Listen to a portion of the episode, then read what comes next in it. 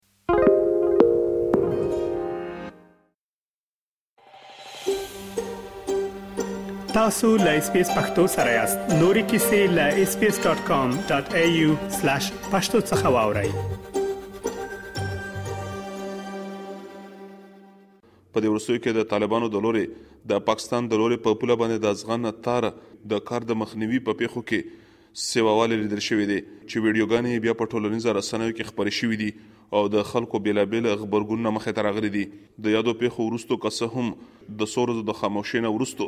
د پاکستان او د افغانستان جګپوړو چارواکو خپل دریځ وړاندې کړی دی تېره ورځ د پاکستان د بهرنیو چارو وزیر شاه محمود قریشي د خبریالانو سره په یوه ناسته کې د یو خبریال د سوال په ځواب کې وویل چې د افغانستان سره به په پوله باندې د ازغن تار کار په هر صورت کې سرته رسوي او هیچا ته به هم دغه اجازه ورنکړي چې له یاد کار مخه ونیسي.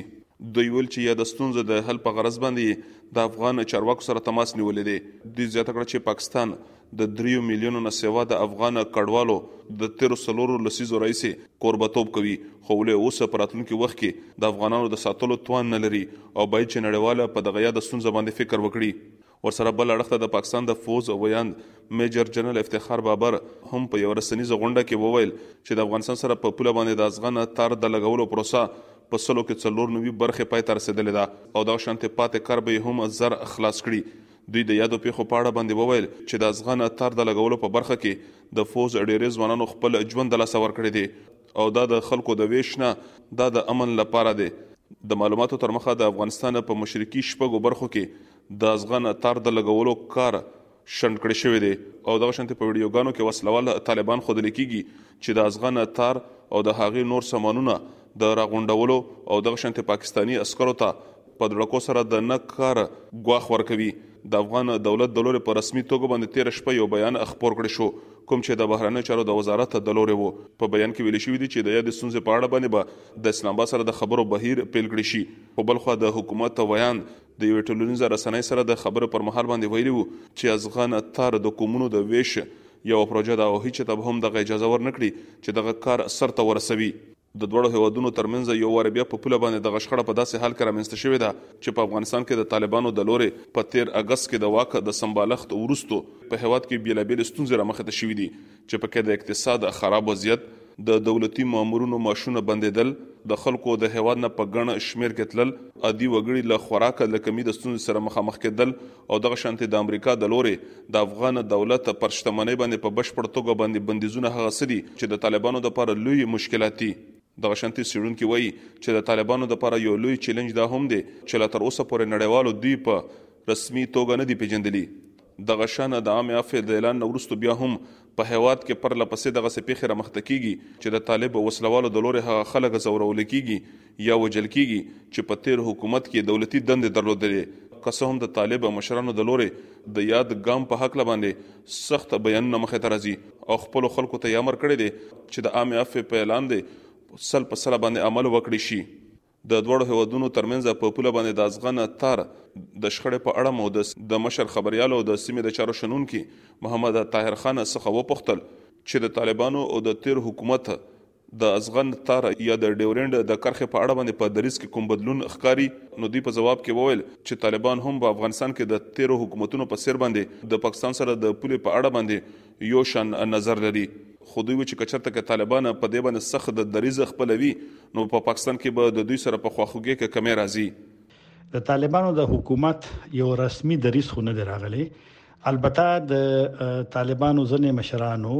په مرکو کې یا په خپل ټولنیزو رسنیو خپل رسنیو باندې سوشل میډیا باندې خو چې کوم خبره کوي نو یو خداوي چې د ازغن تار چې پاکستان لګول دي نو دا د ضرورت نو لکه ذبی الله مجاهد تیر ورځ یو یوټیوب چینل سره ما وره د مرکه داغه دا چې دا ضرورت ورته نشته او دا په نظر دی پښتانه تقسیم کړي دي او یو قام خلک تقسیم کړي دي نو د طالبانو نظر ماغه د کم چې د پخوانی حکومتونو وو یعنی افغانستان د پلوی نه دی د ازغن تار او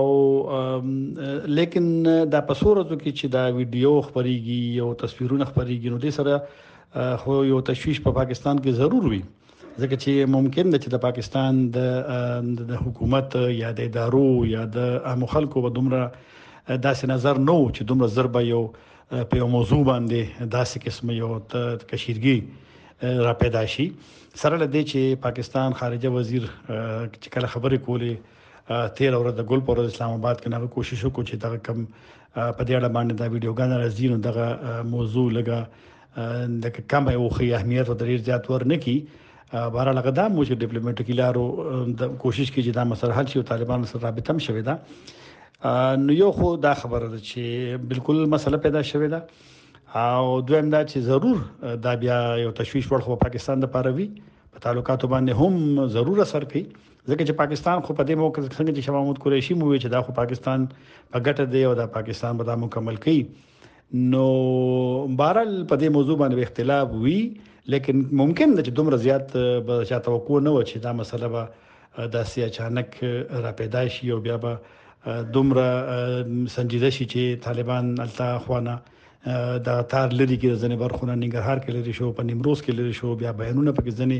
په سوشل میډیا باندې راغله نو یو مسله خو پیدا شوې ده او دا پاکستان خو په خپل باندې دا مني چې دا اوس یو مسله ده د لپاره محمد طاهر خان وویل چې په 2014 کال کې د پاکستان د لوري په پوله باندې د تګ را تګ لپاره د پاسپورت او د ویزې شرط لازم وګرځول شو او دا شانتي د ناقانونه د تګ را تګ د ترهګرو په پوله باندې تلل راتلل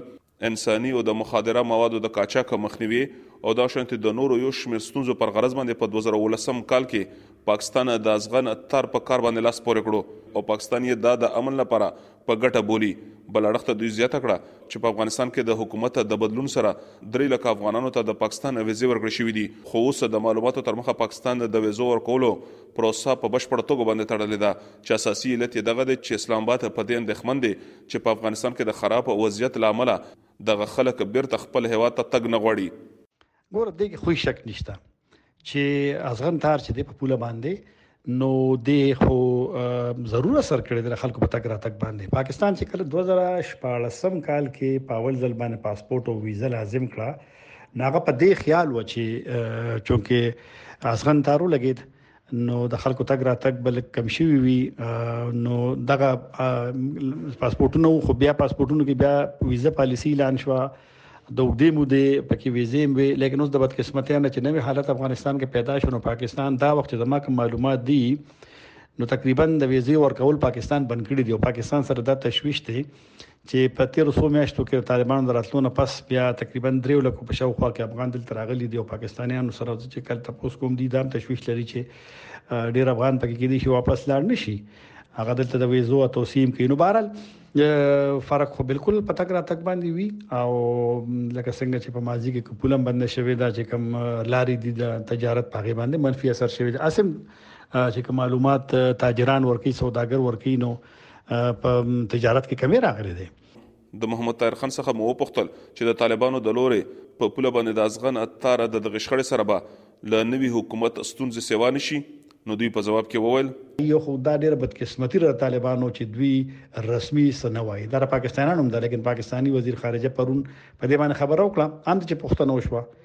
نو ډیر شیانو باندې بیا د ریس په کار دی کنه دریس پکار دی چې آیا دا کار سم شو په ننګرهار کې یا په نیمروز کې یا دا کار بد شو دا کار پکارو نو پکار ځکه چې د ویلا مجاهد بیان راغی دا غي نه د د غیر دفاع د وزارت ویان بیان راغی نو معنی دا ده چې د شیزونو باندې ګونګ یا چپ خپل پاتې کېدل بیا خلکو سره جفا ده خپل افغانانو سره جفا ده که پاکستانیان پاتې کېږي نو دیم یو غلط کار وکړي په خبرو په مسلو باندې وینا پکار ده او بل خبره ده چې زما خلک طالبان دا ادراک ونکړي چې د نورو موضوعاتو په ځای باندې د موضوع ته ډیورنډ کرخه مسله خو پرون نه پیدا شوې کنه یا دوه ورځې مخکې خو نه پیدا شوې نو په منفي اثر د داسې فیصلو په دغه کوي په خلکو باندې وی ځکه افغانستان د درې سلويخ کلنې جګړې لامل ډیر زیات متاثر شوی دی پاکستان باندې هم پاکستان هم متاثر دي دا نه چې صرف افغانستان متاثر دي پاکستان هم ډیر زیات متاثر شوی دی نو چې متاثر شوی دی د جنگ نه دواړه غاړې د دهشتګردۍ نه د شدت پسندۍ نه نو آیا افغانستان او پاکستان بل جنگ ته تیار دي چې دا کوم ماحول کله نه کله پیدا شي لکه یو ننګرهار چې کله ازغن تعال لري کنه یو لګیا او پاکستانی فوجي ته لګیا دي چې تا سره جګړه چې د نو هغه يهوديان سره جګړې په معنا ده او موږ ډېر خوشاله شوم دا خو یو غیر مسولانه غوندي سوچ چې دا سوچ تاسو خبره خلک یو دا ډېر منفي اثر کوي په نړیوال کچ په اوس وخت کې طالبان تر سخت فشار لاندې دي ځکه چې د نړیوالو د لورې د دوی پر واکمنۍ باندې بیلابیل ټکونه کیږي او لا تر اوسه پورې طالبان په دې کې پاتې راغلي دي چې د هغې سپیناوی وکړي ځکه چې پر لپسې د غسې پیښې رامخته کیږي چې د خلکو اندېښنې سیوا کړې دي اسلام ګل افریدی اس بی اس راډیو پېښور.